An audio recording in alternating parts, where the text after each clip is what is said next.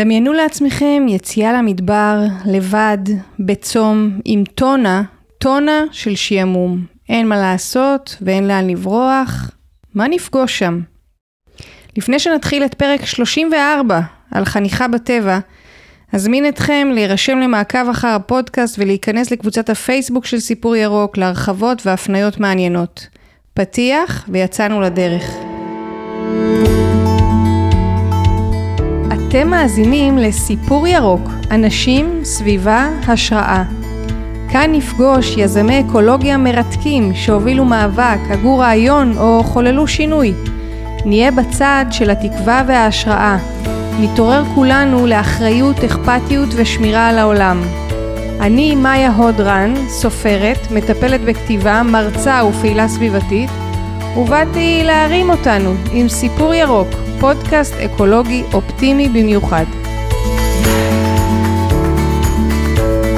אז היי לדוקטור ליה נאור, תרפיסטית בטבע, חוקרת טרנספורמציה חיובית ומייסדת את דרכים לדעת, מרכז להתפתחות וחניכה דרך הטבע. בוקר טוב. מה העניינים? מעולה.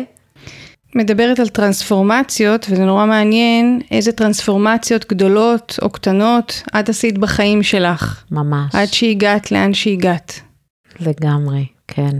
הרבה גלגולים. כן? ממש. אה, אז אני נולדתי בסן פרנסיסקו, להורים אה, היפים, אבא ישראלי ואימא, אה, מה שנקרא רוחניקית. של פעם, של עוד, פעם, שזה עוד לפני שזה היה... לגמרי.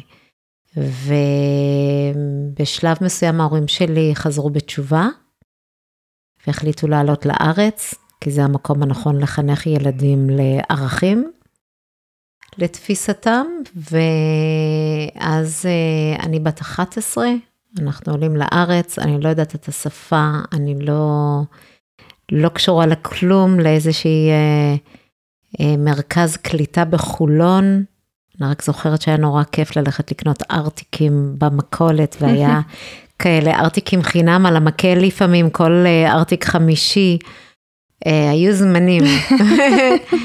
אה, ובסוף אנחנו מגיעים לירושלים, לשכונה חרדית, אה, ואני שם לומדת בבית ספר חרדי, במאה שערים, ללא שום קשר בעצם לטבע. בשלב מסוים אני מרגישה שאני לא יכולה יותר, היום אני יודעת להגיד את זה מהפרספקטיבה של היום, עם ה... משהו מאוד מאוד סגר אותי, ואני מחליטה שאני הולכת ברגל לבית ספר.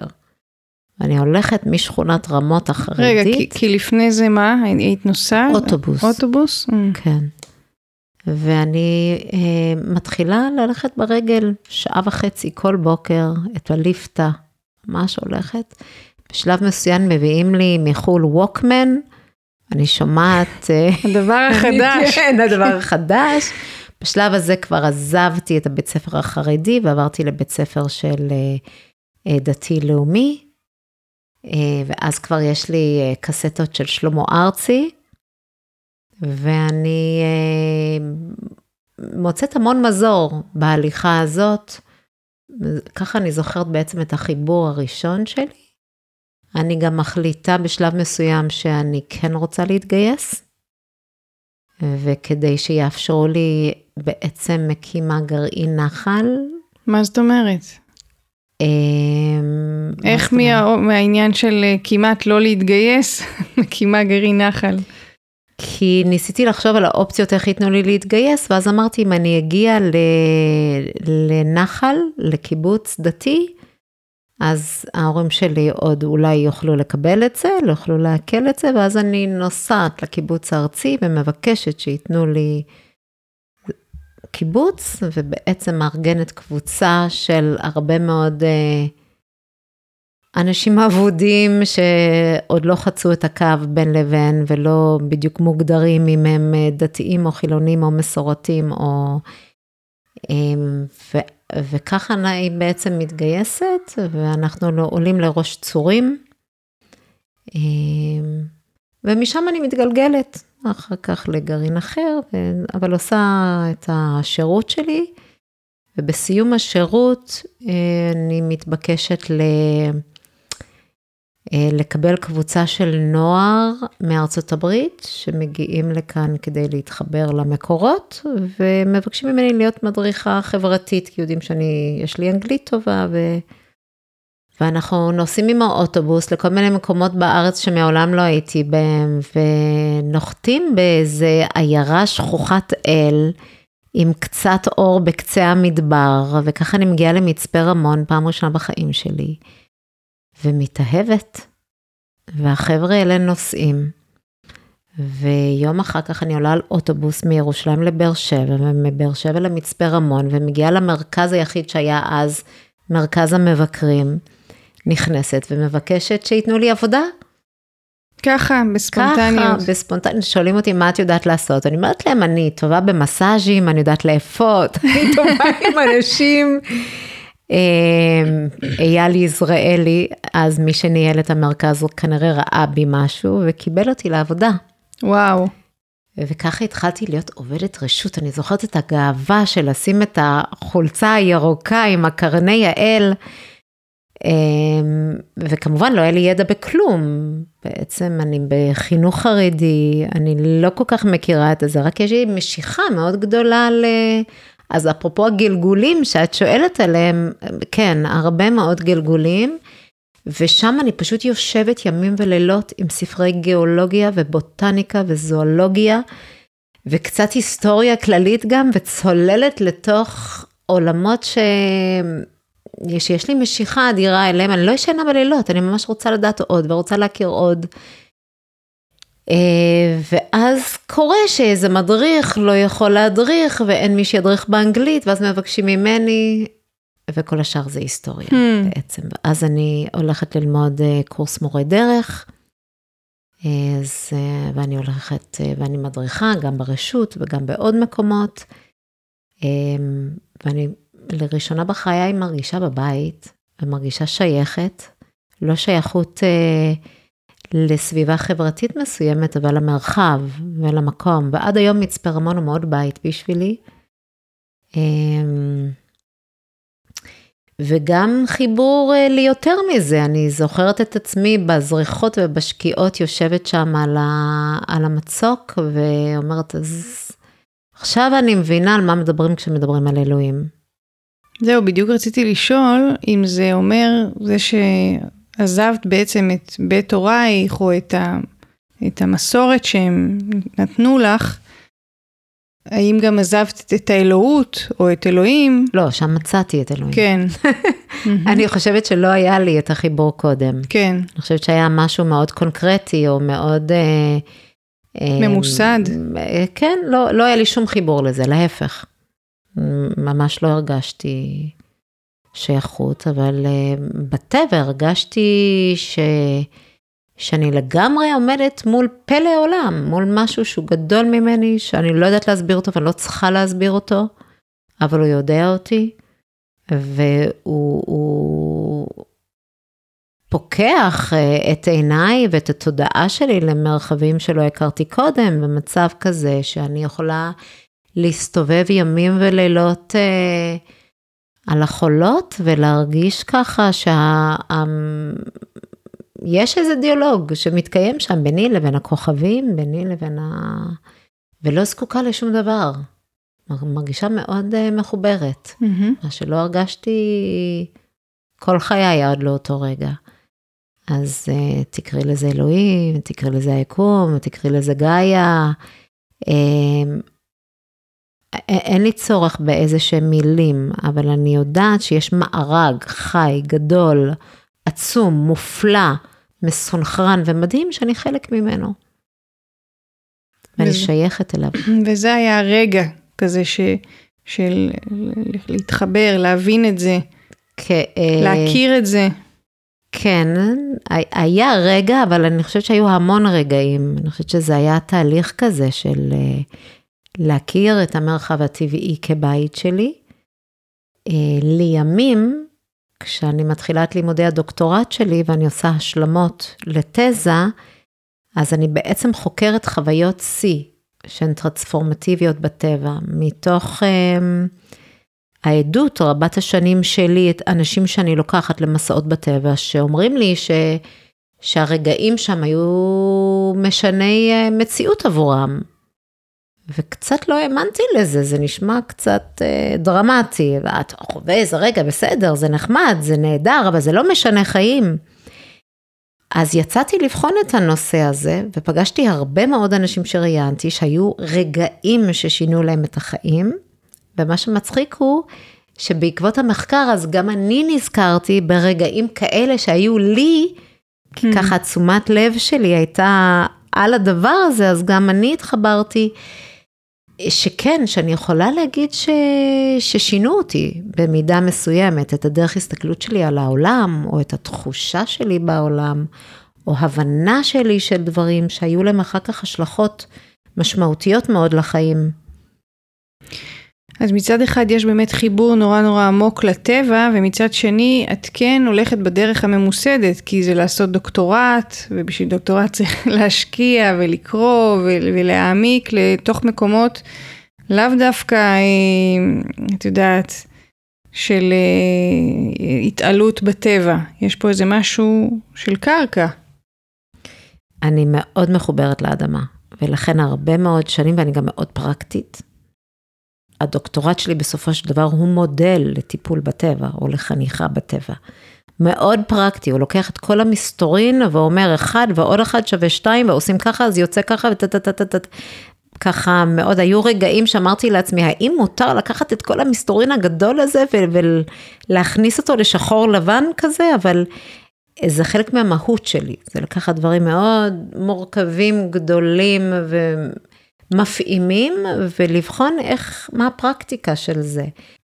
ועד כדי כך שכשאנשים היו אומרים, הגישה שלך היא רוחנית, או הדרך שלך היא רוחנית, אז הייתי מאוד מתנגדת, הייתי אומרת, מה פתאום, אני, הרגליים שלי מאוד בקרקע. Mm-hmm. אבל היום אני כבר יודעת להגיד שנכון, הדרך שלי היא, היא מאוד רוחנית, אבל רוחנית במובן אה, לא הדתי או לא הסוגר, אלא במובן שאני מחוברת מאוד להרבה רבדים ורמות של אינטליגנציה ותודעה שקיימים בו זמנית במרחב, ובעיניי זה פשוט היכולת לממש את הפוטנציאל האנושי שלנו לדעת. Mm-hmm. אנחנו חיים מאוד מצומצם ביומיום שלנו. כאילו רק מה שאנחנו רואים ורק מה שאנחנו שומעים, זה מה שיש. החושים. גם, ויש עוד חושים שאנחנו כן. לא, ויש העולם וגם הסיטואציות בתוך העולם, אה, העולם כל הזמן בשיח איתנו, וכמו שאני רואה את הדברים, גם כל הזמן רוצה לגדל אותנו, ואנחנו יכולים לפספס הרבה מהג'וסיות של החיים, ב- בלראות את הקונקרטיות הזאת. אז תני למשל אה, דוגמה מה... מהדוקטורט שלך. דווקא רציתי לתת לך דוגמה אה, מסיפור. יאללה, פשוט, אה, לכי על זה. אז אה, חזרתי לא מזמן ממסע בדד, האנשים שבאים איתי לכמה ימים למדבר, ובעצם מה שאני עושה איתם זה מפגישה איתם, אותם עם כל מה שהם בהימנעות ממנו בחיי היום-יום, שזה בעיקר ריק ואוכל ושעמום ו... אז מגיעים למרחב שאנחנו נמצאים לבד, אנחנו נמצאים בצום, ואין שום דבר לעשות, וגם לא טלפון, ואין איך לברוח, ואין מה לעשות, ושם פתאום קורים כל מיני דברים. זה כמו ואקום כזה, של אנחנו רגילים למלא, למלא, למלא, למלא, ואז יש חור, וכשיש חור, אז תמיד הוא מושך אלינו את מה שאנחנו צריכים לפגוש, לא תמיד מה שאנחנו רוצים לפגוש, אבל תמיד מה שאנחנו צריכים לפגוש. Mm-hmm. וזה מדהים לראות עשרה אנשים, לגמרי בעלי חברות ומטפלים ואנשים אה, שעשו דברים בחיים שלהם, שלרגע נותנים לעצמם את המתנה הזאת. למרות שאני אומרת לא לבוא עם ציפיות, כי המסתורין הוא, הוא לא ידוע, אז אם אתה בא יודע, אז uh, זה בהכרח לא יקרה. מתכון רע לאכזבות. כן. עדיין באים עם ציפיות, כי אנחנו בני אנוש, ולראות מה קורה שם. את זה ש, שרק חיכה ללילה לבד ונרדם נורא מוקדם והתעורר למחרת. ואת זאת שלא מפחדת משום דבר ומרוב בעלה הייתה צריכה לחזור למחנה. ואת זה שציפה ל, ל, ל, לפגוש את הכאבים שלו ורקד כל הלילה. ואת זה שרגיל להישאר על השביל ומצא את עצמו קופץ מהמצוק ו... ונמצא בתוך איזושהי מערה ועובר שם מדרגש לדרגש, ויש אופציות כאלה לפגוש, לפגוש את הדבר האחר הזה. אז למשל, אחד הסיפורים זו מישהי שיצאה לעשות שלום עם איזה חוויה מאוד קשה שהייתה לה, קשורה אה, דווקא לבני אנוש. ובשלב מסוים בהתבודדות שלה, היא שומעת פסיעות, ומגיע בדואי, כאילו הדבר שהכי יכול היה להפחיד אותה, הכי uh, זה, אומר לה, שמי סאלח, אפרופו סליחה, hmm. נותן לה חבילה של uh, ופלים שהייתה לו, וממשיך ללכת. כאילו סיפורים מהסוג השלישי, מאיפה הגחת פתאום, איפה זה קרה. זה היה כל כך מדויק ללפגוש את הפחד שלה, ללעשות שם שלום, לקבל את הסליחה עם הדברי מתיקות האלה. כמו שלכל אחד, הדבר הזה שהוא פגש שם היה, ואתה לא יכול להדרכל את זה, אתה לא יכול אפילו לדמיין את זה. אתה לא יכול לשרטט את הדבר המסוים הזה שאתה תזדקק לו. וכשאנחנו יוצאים החוצה אל הטבע, אז זה לא בשליטתנו. וזה מפגש תמיד שהוא, אם אתה מאוד פתוח, אז דברים קורים. אז זה פעם זה וזה פעם פרפר, וזה פעם איזה שועל שמגיע ויש אה, משהו שקורה שם, או זה להקה של ציפורים בדיוק כשמישהי מבקשת את הכוח לדעת שהיא יכולה לעוף, והם ככה מסתובבים מעל, חגים מעליה, ואין סוף סיפורים כאלה. אז מה זה אומר? זה אומר שאנחנו מסונכרנים, אנחנו מחוברים פה למשהו שאנחנו לא ערים לו. ביום יום, והוא לא כל כך קונקרטי, וההיגיון לא יודע להסביר את זה, ואולי לא צריך להסביר את זה, אבל זה מתקיים, ויש את האופציה הזאת. ומה עם הפחד באמת? לפגוש אה, דברים אה, כל כך אה, מפתיעים, שאני בטוחה ש... זאת אומרת, למשל אפילו מה שאת מספרת על האישה הזאת שפגשה את הבדואי, אז היא יכלה גם להיכנס לאיזושהי סיטואציה שתשחזר את מה שהיא חוותה פעם. אנחנו עושים המון עבודת הכנה. אנחנו מחזיקים מרחב מאוד מאוד מוגן ומוחזק. אנחנו במרחק שמיעה מהאנשים לרוב. מי זה אנחנו? אלה ש... הצוות שלי, אני והצוות שלי, ואנחנו, אנשים שם יודעים מה לעשות, וגם אנשים יודעים ש, שיכול מאוד להיות שהם יפגשו את הדבר שממנו הם נמנעים. כי הם לא רוצים לחיות מתוך פחד, הם לא רוצים להיות מנוהלים מתוך הדברים שהם אה, פוחדים מהם. אנחנו לא רוצים להיות בהימנעות בעולם, אנחנו רוצים להפך. אנחנו רוצים לפגוש את הדבר ממנו אנחנו הכי פוחדים כדי להמשיך ולצמוח, mm-hmm. להיכנס לתוך זה. לא מהמקום הפוצע, לא מהמקום הפוגע, ולא לפגוש משהו שיהיה מפחיד מדי. ולכן אנחנו בוחנים את את המרחב ואת האנשים, זה מאוד מאוד יוצא דופן, למשל הסיפור הזה. אבל זה היה מאוד מדויק לה. כן. זה לא קרה קודם. אני 20 שנה עובדת במרחב הזה, לא mm-hmm. קרה. Mm-hmm. וזה מה שהיא הייתה צריכה. אז יש לי איזו אמונה שאדם יקבל את מה שהוא צריך. אני מרגישה שזה מאוד דומה למן. בני ישראל שהולכים במדבר וכל אחד מקבל בדיוק את הטעם שהוא רוצה וכל, כאילו יש משהו כזה שהוא הרבה מעבר למה שאני יכולה לדמיין אפילו, וזה קורה וזה מקודש, וזה משמעותי וזה מהותי, וגם אחר כך עושים עם זה אינטגרציה ועובדים עם הדבר. אז יש צוות שמחזיק את זה, זה לא, לא כן. שולחים את הבן אדם ומכינים את האנשים לדברים, ואם מישהו בא בלי פחד, אז אני מודאגת.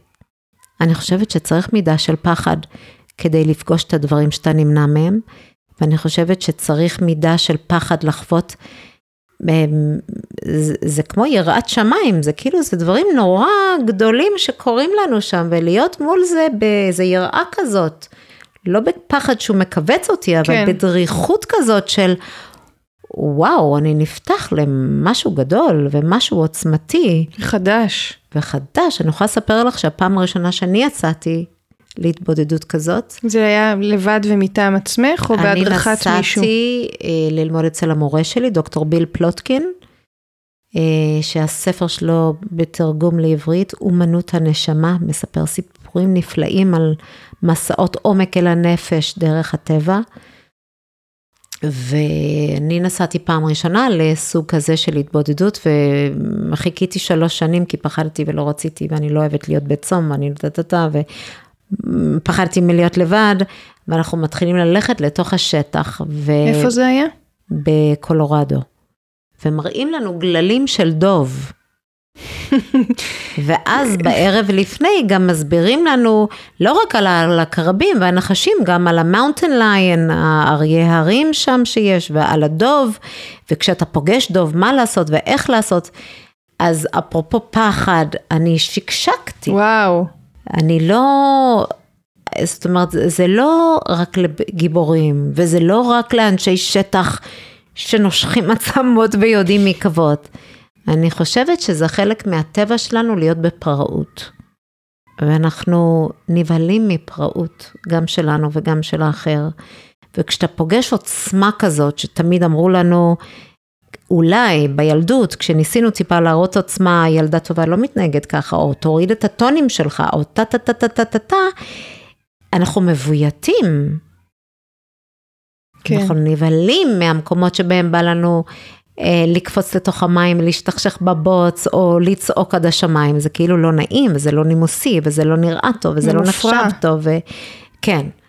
אז, אה, אז דרך הטבע אנחנו פוגשים את הפראות הזאת, זה גם בחוץ וגם בפנים, אבל אני חושבת שאין ממש הבחנה.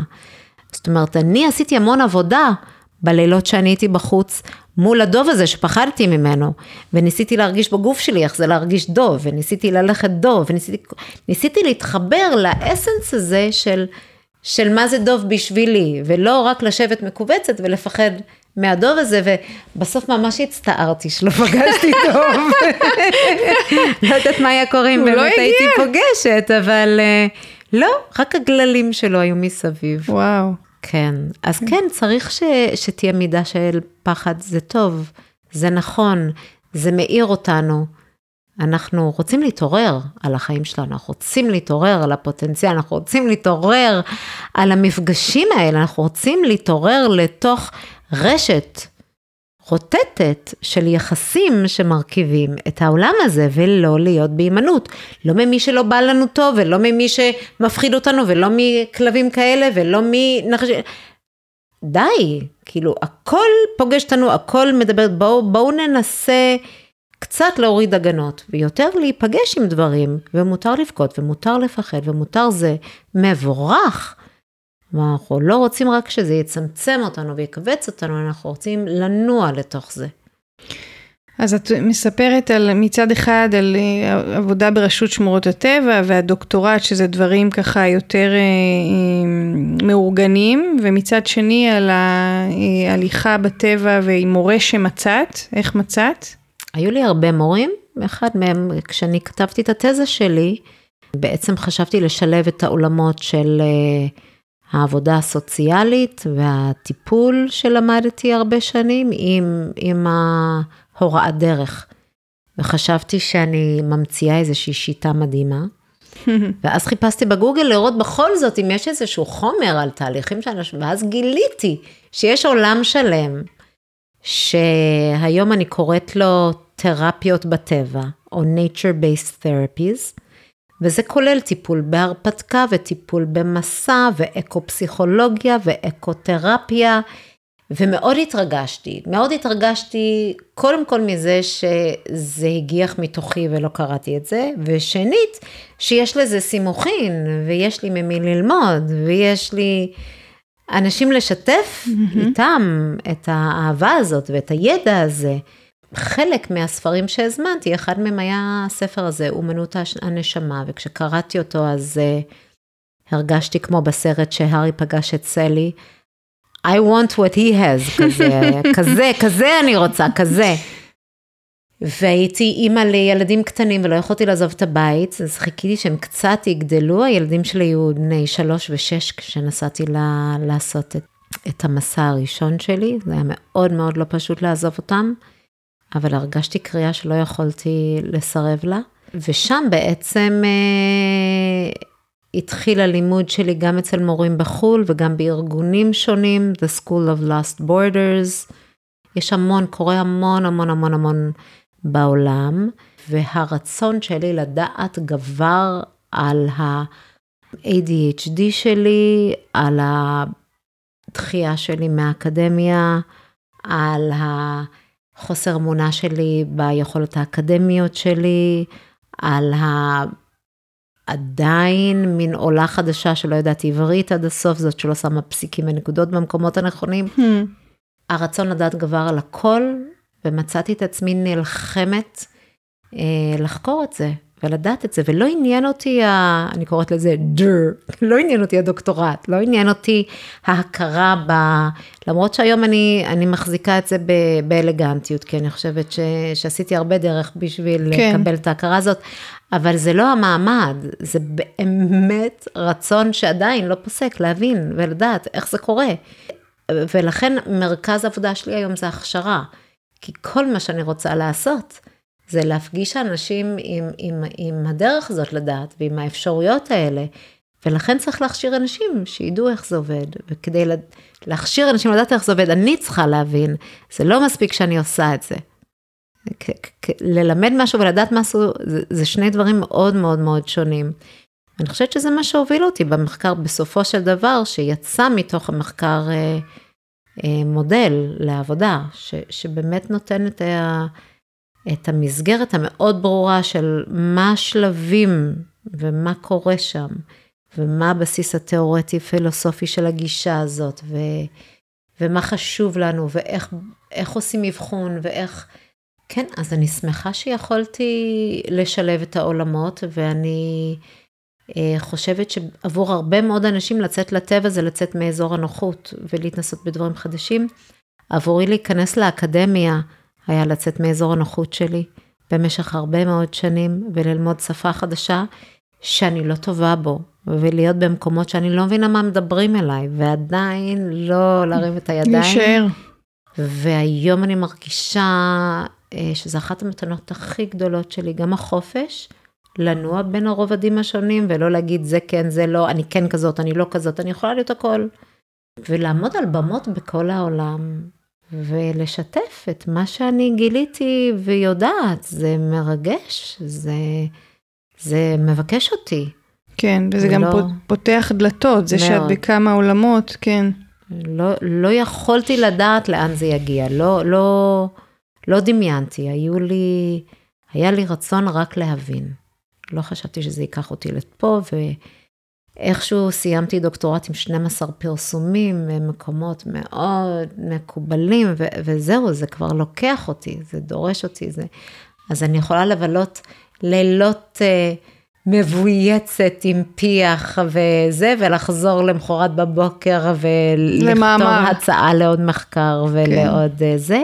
אני רואה את זה כחלקים, כחלקים שונים מהשלם שהוא אני כרגע. אז תגידי משהו באמת על הדוקטורט ועל הדבר שמצאת, כמובן לא עכשיו אה, את כל התורה, אבל אה, על תהליכים שקורים בטבע, מה, מה בעצם קורה שם? חוץ מהעניין של, כמו שאת אומרת, גם פגישה עם מקומות שמחוץ לאזורי הנוחות כן. שלי, הפראיות שאת אומרת, מה עוד את יכולה להגיד על זה? אני יכולה להגיד שאנחנו כבני אדם מתוכנתים אה, להיות ביחסים עם המרחב הגדול. אנחנו פחות מתוכנתים למה שהיום נחשב נורמלי, כמו לשבת בכיתה וללמוד ידע בצורה פורמלית. לא סתם חצי מהילדים צריכים ריטלין. זאת אומרת, צריך לסמם אותנו בשביל שנתאים את עצמנו למסגרת שלא השתנתה כבר 200 שנה. אז אה, דווקא מה שנחשב נורמלי בעיניי הוא, הוא לא תמיד נורמלי, שצריך לשים שם את הסימן שאלה, ולכן יש קריאה כל כך גדולה היום לבתי ספר יער, או בתי ספר אנתרופוסופיים, או דמוקרטיים, זה רשימות המתנה של שנים, זה אומר משהו, משהו פה אנחנו לא עושים אה, כן. לגמרי עד הסוף. אז הדוקטורט בעצם אה, מראה או, או מבסס את, ה, את הדבר הזה של מה קורה לנו כשאנחנו בחיבור עם הטבע. ואיך זה מפגיש אותנו עם חלקים שאולי לא באים לידי ביטוי ביום-יום, ואיך בדרך שהיא לא תמיד ורבלית, אדם יכול אה, להביע הרבה יותר חלקים מעצמו, מה שנקרא למידה חווייתית. זאת אומרת, אנחנו לומדים לגלות מי אנחנו ומי אנחנו בתוך העולם דרך חוויות, ופחות בלדבר את זה. והדבר הבסיסי שאנחנו רואים זה שאנחנו פצועים או מצומצמים, שבורים במקום של יחסים. יש, יש איזושהי בעייתיות מאוד גדולה בדרך שבה אנחנו מתייחסים, או היחסים שאנחנו מקיימים עם הגוף שלנו, ועם המשפחות שלנו, ועם החברים שלנו, ועם המין השני, ועם הלאום האחר, ועם האדמה. ניתוק הזה ביחסים בריאים, הוא לא ממש מאפשר לנו לשגשג. לא כפרט, לא כעם, לא כאנושות, לא כיקום.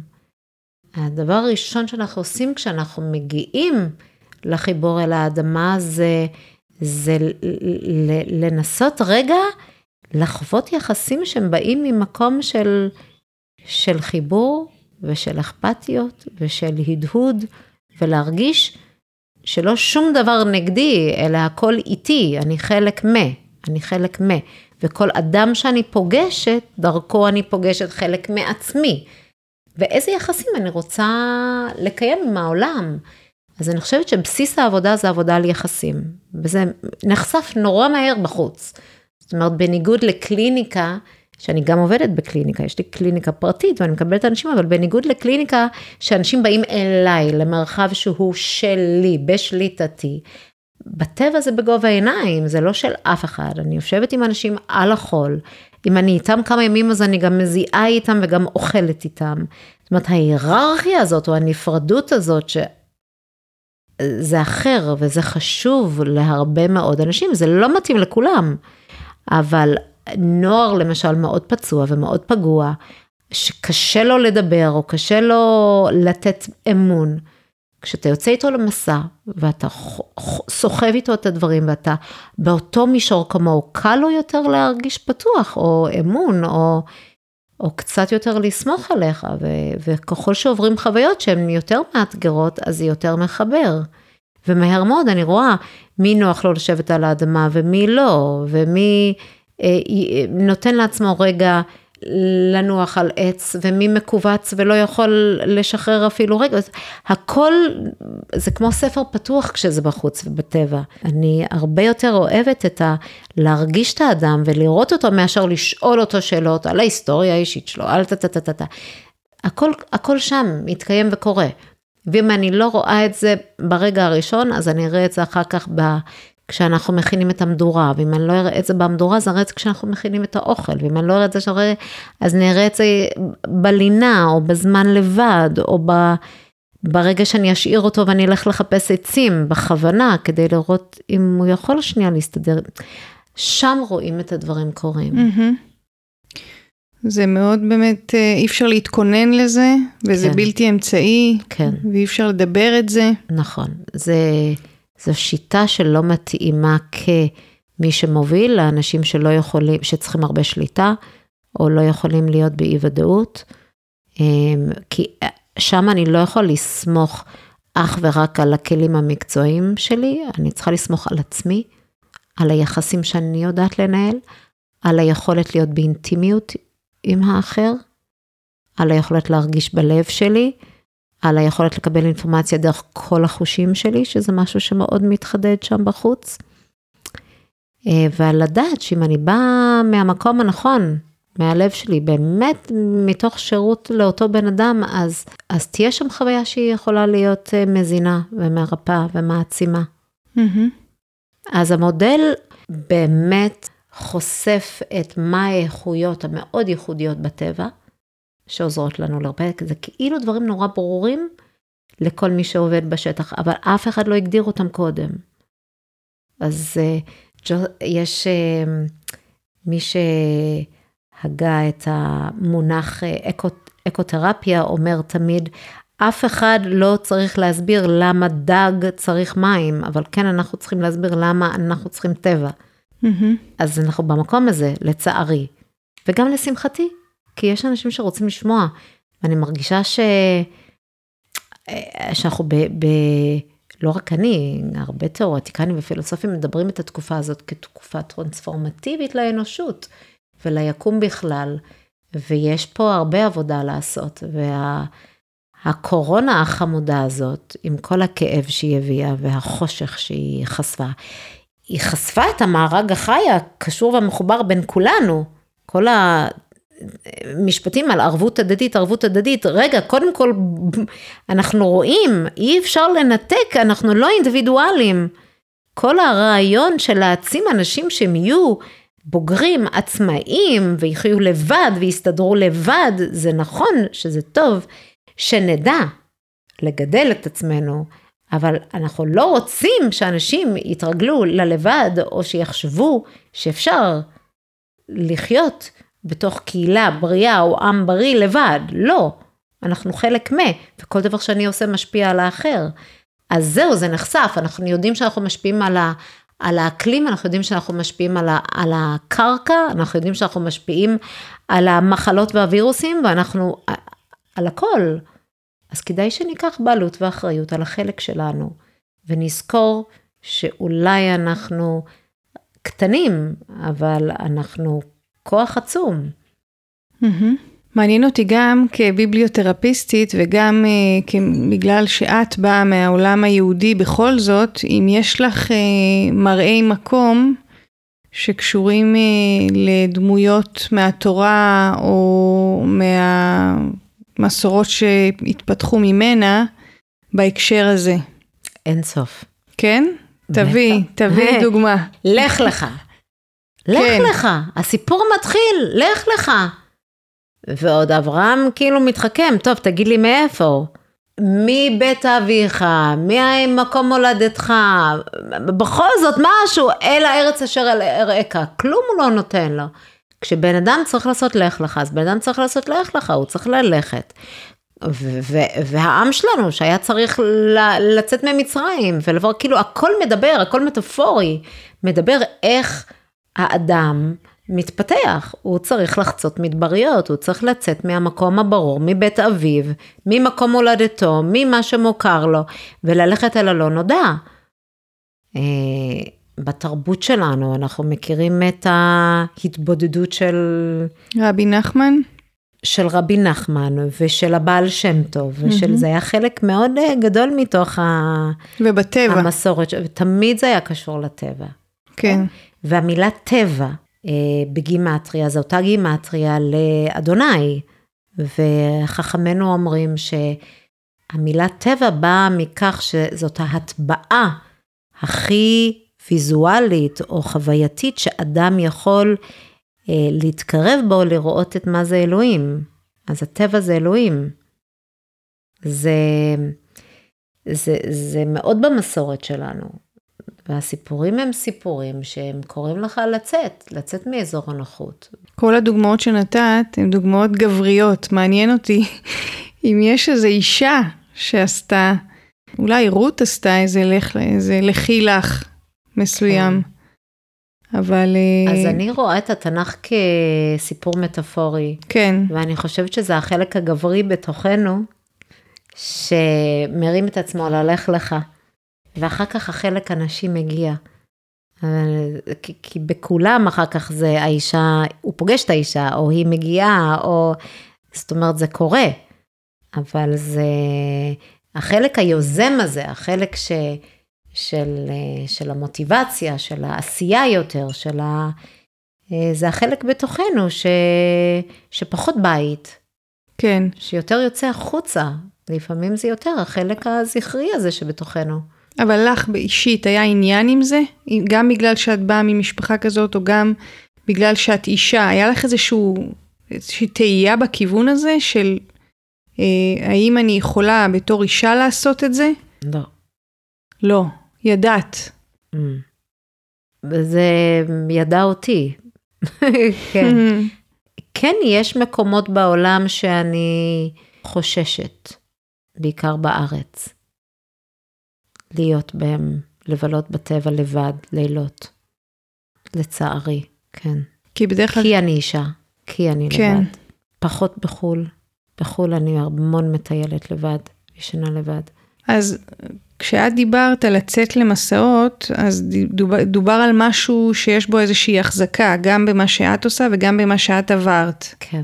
אבל עכשיו את אומרת על זה שאת יוצאת גם לטבע לבד, זאת אומרת שאין משהו שתומך את זה חוץ ממך. כן, אבל אני במקום הזה שאני כבר מרגישה מאוד מאוד בבית ומאוד בנוח, ועדיין אני אה, אצא פה ושם לסדנאות. כן, כשאני יוצאת אז הרבה אני רוצה להיות עם עצמי בתוך המרחבים האלה, Mm-hmm. ואז קורים הדברים הבאמת יוצאי דופן. כי כשאני עם חבורה או אני עם עוד אנשים, אז, אה, אז זה יותר חברתי וזה לא או שזה- פחות כיף. או אבל... שזה בתפקיד, או שאת בתפקיד, וכאן כן, את אבל בשביל אני יכולה עצמך. גם לצאת עם החברים שלי, ואז אה, הלילות הם לילות של, אה, של שיח וצחוק, וזה לא פחות כיף, אבל זה לא תמיד מסע פנימה כזה, שאני זקוקה לו מדי פעם. כן. אז את בעצמך גם יוצאת למסעות בארץ נכון. ובעולם? נכון. וואו, זה מרתק, תגידי על זה, משהו. מרתק. אה, קשה לי להגיד לך, כי אני לא יודעת. למשל עכשיו אני יוצאת ביוני לפתוח אה, כנס לטבע ופסיכיאטריה בהולנד, ועשרה ימים אחר כך אני מעבירה הרצאה בכנס של אה, טיפול בטבע ואתגר בנורבגיה. אז בין לבין אני יוצאת להרפתקה, שכרגע אין לי מושג, זה בטח יעבור בדנמרק, כי זה מה שיש בין לבין, אבל איפה אני אהיה, ומה אני אעשה, ואיך אני אגיע, אני לא יודעת. זה יתפתח, אני אדע. בדרך כלל אני מחליטה על איזשהו מקום שאני רוצה להיות בו, אני מגיעה אליו, ואז קורים דברים, ואז אני מרגישה שאני רוצה להיות עוד, או אני רוצה ישר ללכת, או אני פוגשת מישהו שאומר לי, שם יש קניון מדהים, ואז אני מגיעה, ואז... אז אני הולכת כאילו לפי סימנים. ה- ה- ה- האופציה הזאת בכלל, של אני לא מתוכננת, אז זה מאפשר למלא דברים לקרות. את באמת לא יודעת, כאילו אחרי הכנס הזה שתרצי בו, ב... תסיימי את המחויבות הראשונה, מה שנקרא, את לא יודעת מה יהיה? אין לי מושג. בטח כשאני אסיים, אני אדע איפה אני רוצה להיות יום, יום למחרת, אבל משם זה ייקח את עצמו. זה עליזה בארץ הפלאות. וואו. אני לא יכולה לראות את זה אחרת. כאילו, מה, אני אחליט מראש איפה אני ישנה כל לילה, ואז אז, אז כל מיני דברים שרוצים לקרות לא יוכלו לקרות. כל מיני מפגשים עם אנשים, עם מקומות, עם... פתאום ממליצים לי, היינו באיזה מקום כזה, את יודעת, זה תמיד קורה.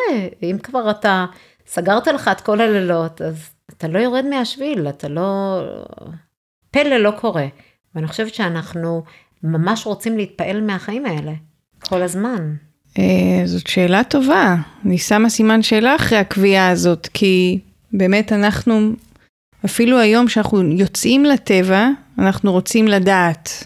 עדיין איפה אנחנו אני רוצים אשן, להתפעל, איפה- אנחנו כן. רוצים להתרגש, עדיין. כולם רוצים להתרגש מהחיים. כולם מחפשים ריגושים, בדרך כלל לא במקומות בריאים. כן, אנחנו רוצים להתרגש. אם את מאוד מאוד מתוכננת, הסיכויים שלך להיות מופתעת הם יהיו פחותים. נכון. אני לא אומרת לא לתכנן, אני רק אומרת, תשאירו מרווחים. מה שקורה זה במרווחים שבין המילים. כן. וגם בקורסים שלי, שאנשים באים, אז בדיוק מה יהיה? אני לא יודעת בדיוק מה יהיה. יש את הנושא של כל מפגש, יש את הסטינג, יש את ה... אבל מה שקורה הוא מעבר לבינתי. וטוב שכך. פתאום אה, אני יושבת עם קבוצה במדבר יהודה ואביב, ופתאום יושב ארנן. אז מה אם תכננתי? ואין לך לאן לברוח.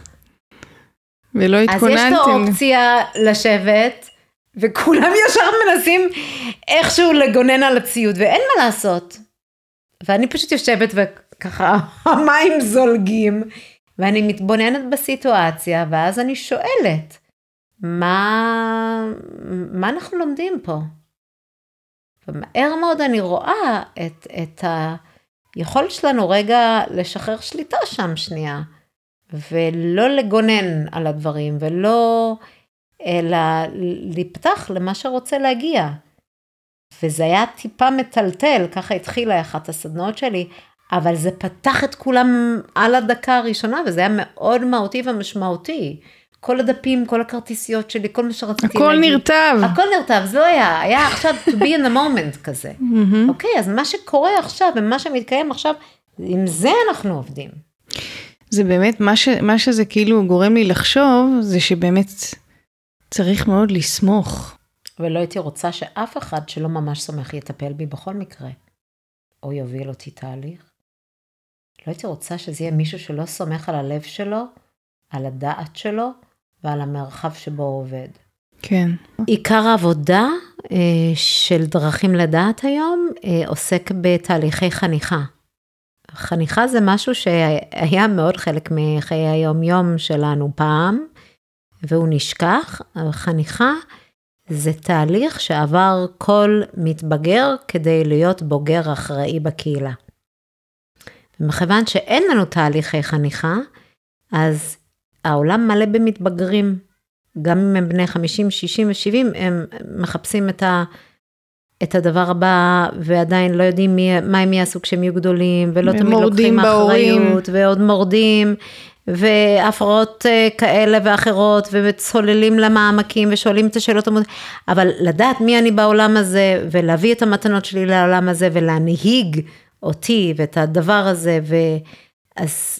אז החניכה אה, נועדה בשביל לעזור לצעירים, בין אם בגיל ובין אם בנפש, אה, להגיע למקום הבוגר ולהיות במנהיגות הזאת.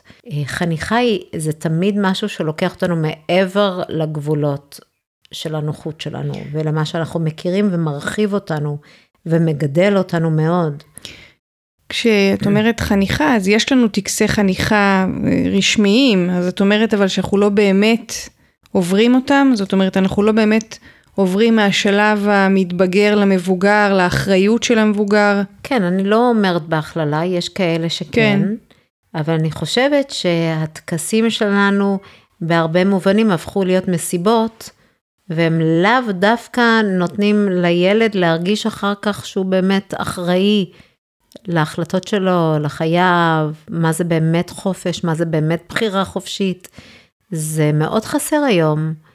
אז אה, אנחנו מנחילים תהליכים כאלה, גם מסעות של אה, בני בנות מצווה עם הורים, וגם מבוגרים שבאמת רוצים לדעת מה המתנה שלהם, ומה הייעוד שלהם, ואיך הם יכולים להביא את עצמם לביטוי מלא פה בעולם.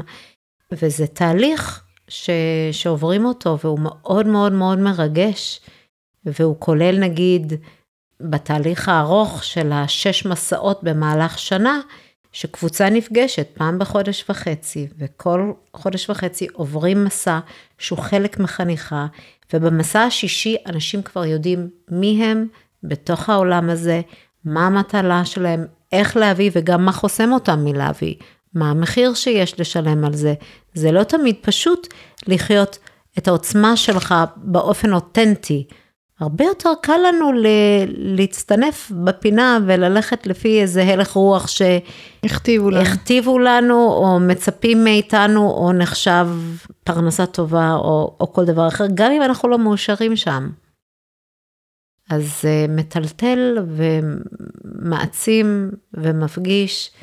וכרגע זה הדבר שהכי מעניין אותי. הכי מעניין אותי זה ללמד, להעביר, לעשות ולהפגיש האנשים עם האופציה הזאת לעבור תהליך של חניכה באמצעות הטבע, מתוך ההבנה של היחסים עם המרחב הגדול מגלים לי באמת מי אני. הרבה יותר מלשבת ולהתבחבש עם עצמי, עם המחשבות שלי. שם מאוד בקלות, כמו שאמרנו קודם, רואים את הטבע של הבן אדם, רואים את היכולות שלו, רואים את האיכויות, רואים את החולשות, רואים מי אני. מאוד חשוף. מאוד אותנטי. כן. מאוד, מאוד חי. אוקיי, okay, אז את אומרת את זה, את דיברת מקודם על המארג, אז אה, את יודעת שאנחנו בפודקאסט אקולוגי, נכון. אז יש לי איזה תהייה לגבי הקשר שלך לסיפור האקולוגי ולמה שקורה היום בעולם בהקשר הזה. כן. איך את רואה את עצמך כחלק מאולי שינוי תודעתי כן. שקורה פה? אני, אני חושבת שזה בדיוק איפה שאני נמצאת, אני חושבת שזאת הקריאה שלי, לעזור לאנשים לחוות באופן אמיתי וחי את האחדות הזאת, את החיבור הזה, הבלתי אמצעי והבלתי תלוי שיש לנו עם כל דבר אחר, כי אשליית הנפרדות היא מה שהביא אותנו למקום מאוד קשה של בדידות ודיכאון ואובדנות וקושי וחולי אישי, אנושי, אקולוגי ועוד. והדרך לצאת משם זה להרחיב את התודעה, וזה לא רק במובן האקולוגי, שתדעי שהמדע היום, באמת המקומות הכי הכי הכי נחשבים במדע היום, האוניברסיטאות הכי מתקדמות, שמים את רוב הכסף שלהם היום על חקר התודעה. זה דבר שהוא הוא, הוא, הוא מוביל, הוא מוביל בעולם המדעי, והוא מטלטל והוא מדהים. אני חלק מקבוצת חוקרים שחוקרת אה, תודעה פה, מתוך ההבנה של בשביל להתפתח אנחנו רוצים להרחיב את התודעה, ובעיניי הרחבת התודעה קשורה למעבר מתודעה מאוד נפרדת של אני נגמר כאן, בגבולות הגוף שלי, ולא מעניין אותי מה קורה באוקראינה, ולא מעניין אותי מה קורה בבן אדם שמולי, כי הוא לא קשור אליי, הוא לא מהמשפחה שלי, לבין תודעה רחבה שאומרת, הציפור שעכשיו עברה, יש בה קשר למה שכרגע אנחנו מדברים. והתרנגולת הזאת שנקרא לך על החלון, בזמן שדיברתי על החושך, אז היא גם אולי קשורה באיזשהו מקום. מספרת ל... לנו משהו. למשהו שאצלי הוא יותר מכווץ אותי, וכן, וככה וככה וככה וככה. וכשאני מתחיל לחיות את הפוטנציאל הרחב הזה, של אני מחוברת להכל והכל מחובר אליי, אז אין את הבדידות התהומית הזאת, ואין את התחושה המאוד מוכרת היום של אין משמעות. כן.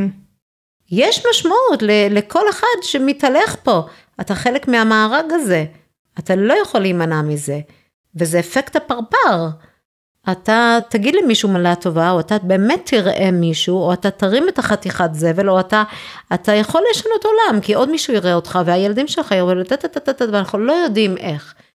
אנשים אומרים לי, הפעם אמרת ככה, אני לא זוכרת שאמרתי, hmm. אבל אין, וזה שינה לי וזה אמר לי, וגם אני זוכרת משפטים שאנשים, או רגעים שבהם ראו אותי באמת, שהיו מכוננים עבורי. אז, אז אני חלק מהאנשים שמבקשים להרחיב את התודעה שלנו, וליצור איזשהו ריפוי בניתוק הזה. ולהגיד שזה לא אמת, זה אשליה. אנחנו לא בודדים ואנחנו לא עצמאים, אנחנו תלויים. הדבר הזה שאנחנו בזים לו, להיות תלוי באחר, זה תסתדרו זה. עם זה. זה החיים שלנו, אנחנו לא אמורים להיות בעצמאות. עצמאות כזאת זה סוג של בדידות, אנחנו אמורים להיות באחריות. לא אחריות במובן שלפעמים הלך הרוחות, אלא באחריות אמיתית. של אה, רע לרע והבנה של אה, אם אנחנו פוגעים, אז בסופו של דבר זה, אנחנו כורתים את הענף שעליו אנחנו יושבים, הכל קשור בהכל. וזה חלק מהשינוי הגדול. ולפעמים צריך להיות יותר חשוך מלפני שיכול להיות יותר טוב. אנחנו. בהחלט שוחים בחושך הזה כרגע. גם, ומי שמבין את העקרונות של הטבע כעקרונות לחיים, יודע שכל תהליך טרנספורמטיבי מתחיל בפירוק. הגולם יתפרק לפני שהוא יהיה פרפר, והסרטן צריך לשבור את הקונכייה שלו לפני שהוא יכול להתרחב, והגרעין חייב להתפרק לפני שהוא יהיה צמח, כל דבר צריך להתפרק בצורה שלו כדי להפוך למשהו מתקדם יותר ומפותח יותר. אנחנו, אנושות ויקום, עכשיו בתהליך של פירוק. ואם אנחנו יכולים להחזיק את הקונטקסט הטבעי ולראות בטבע מורה, אנחנו יכולים להבין שזה שלב הגיוני, מופלא, בתוך ההתפתחות, ורק לא לרוץ לחזור למה שהיה, אלא לאפשר לעצמנו להיכנע לתוך הפירוק הזה, ולחשוב על מבנים אחרים ממה שאנחנו מכירים בכלל, שניתן להתפתח לתוכם, שהם קשורים יותר להדדיות ולקיימות ולשיתופי פעולה ול... אז אני חושבת, זאת אומרת, אני רואה בדמיוני, שזה שכל אחד קונה לו בית וחיה לו בבית לבד, כאילו, גם זה צריך להתפרק, כי עוד מעט לא נוכל לשלם את המחירים. אז במקום לבכות על זה שהמחירים עולים, עולים, עולים, עולים, אני רואה סימן שזה יגיע למצב שפשוט לא נוכל לחיות לבד בבית, ואז נצטרך לחיות בקהילות, ואז זה, זה לוקח אותנו בעיניי, אם נבין נכון, ולא רק נתנגד ולא רק נכעס, שניקח יותר כוח להביא את השינוי בצורה שהיא, שלא דוחקים אותנו, אלא שמתוך בחירה, אז בואו נשב ונחשוב יחד בצורה יצירתית, אז איך אנחנו יכולים לחיות יותר טוב, איך אנחנו יכולים לפתח את זה. אוקיי, okay. אז אנחנו ככה לקראת סיום, ויש לי פינה בפודקאסט שנקראת תחזית אופטימית, שבה אני שואלת את המרואיינים שלי, אם הכל היה פתוח והכל אפשרי, מה היית רוצה שיקרה בתחומך בשנים הקרובות? אני הייתי רוצה שבכל אה, מכללה ואוניברסיטה יהיה תחום שנקרא אה, חניכה בטבע, או טיפול בטבע, או הובלת תהליכים של התפתחות באמצעות הטבע, אה, שיוכלו אנשים ללמוד בצורה עמוקה, מקצועית, מאנשי מקצוע ומובילים בתחום, כמו שצריך את הדבר הזה. זה לא חבורה של מחבקי עצים, אני גם מחבקת עצים, אבל מעבר לזה יש פה אה, מודלים ותיאוריה ושפה שהיא חשובה וצריך לדעת אותה, וכשמובילים אנשים צריכים להיות מאוד אמונים ובעלי כלים ויכולות לעשות את זה בצורה שהיא בטוחה והיא נכונה והיא מרפאה, ולא להסתובב עם כל בן אדם שמוציא אולי מסע בטבע ו... ולא יודע את תורת הנפש או תהליכים או תהליכים קבוצתיים, כמו גם את הטבע. אני חושבת שזה שילוב של מקצועיות שהיא נדרשת במקום הזה. אז אני רואה קודם כל תוכניות הכשרה כאלה, אני גם רואה את זה נכנס לתוך כל אה, מרכזי הלימוד של מערכות החינוך ושל מורים, שילמדו ללמד בחוץ ואת החוץ, ואנחנו כבר בדרכים לדעת, אה, מעבירים סדנאות כאלה למורים בכל מיני צוותים ש, של, אה, של משרד החינוך שרוצים ללמוד ולדעת ולשלב, אז אני חושבת שזה צריך לקרות עוד. ואותו דבר עם מסגרות הרווחה והבריאות. כמו שאפשר לקחת שעה אצל מטפל באומנות או שיאצו, אפשר לקחת שעה בטבע, כי לא תמיד אנשים יודעים לצאת לטבע לבד, ואיך להיות בתוך זה. אני חושבת שזה יהיה חיוני. אני רואה במקום בתי חולים, בתי בריאות גדולים בטבע, שאתה יוצא לנפוש, בלהקשיב לציפורים ולגנן גינות, ולהריח פרחים, ולשתות תה צמחים, ולפגוש נשים ולרקוד על האדמה. אה, ו... ומחלים ככה. ולצאת ל... כן, זה פשוט לשים במרכז את הבריאות ולא את החולי. Mm-hmm. בתי הבראה כאלה. של לפני שאתה מגיע לבית חולים, אתה יכול פשוט ללכת לבית הבראה ובמקום לחלות. אתה יכול לקבל תשומת לב וריפוי ו... בדרך וטיפוח, הטובה, כמו ו... שאמרת לזה כן. שלך, שאת טרנספורמציה חיובית. נכון. אז זה מה שאני חושבת שיקרה, וזה יהיה מסובסד על ידי קופת חולים. קופת בריאים. ומשרד הבריאות. כן. כל מי שיצטרך טיול בטבע יוכל לקבל את זה. באופן טבעי, וכבר יש את זה בחלק מהמקומות בעולם. אני אולי אה, אשת חזון, אבל אה, אני מציאותית. כן. זה לא, לא רחוק. לא, גם את, אומר, אז את אומרת שזה בעצם ייכנס, אה, בתור אחת שעושה גשר בין עולם הטבע לממסד דרך האקדמיה, אז בעצם החזון שלך גם מדבר על להשתלב בממסד ולא לריב איתו. לגמרי. להיעזר בממסד. לשכנע אותו. אני לוקחת, אני לוקחת צוותים של קופות חולים ושל בתי חולים, הם עפים, הם צריכים את זה, וגם החולים צריכים את זה. חלק מהמחקרים הכי גדולים שנעשו בתחום, הם מה קורה כששמים חולה ליד חלון בבית חולים, או בבית סוהר, מול חדר ללא חלון, או אם אין חלון, אפילו תמונה של נוף בחדר, מה זה עושה. במאה אחוז, אנשים מחלימים מהר יותר. וואו. אז למה לא שמים את זה, כשכל יום אשפוז עולה כל כך הרבה כסף? אין לדעת. וואו. כל כך פשוט, כל את אומרת. כך פשוט. עשינו תוכנית שלמה בבתי ספר, איך אפשר להכניס את הטבע פנימה. גם תמונות, פינת טבע, זה, זה לא דברים ש, ש, שצורכים, הטבע נגיש, הוא לא עולה כסף. שמים לנו את זה, נותנים לנו את זה, קחו.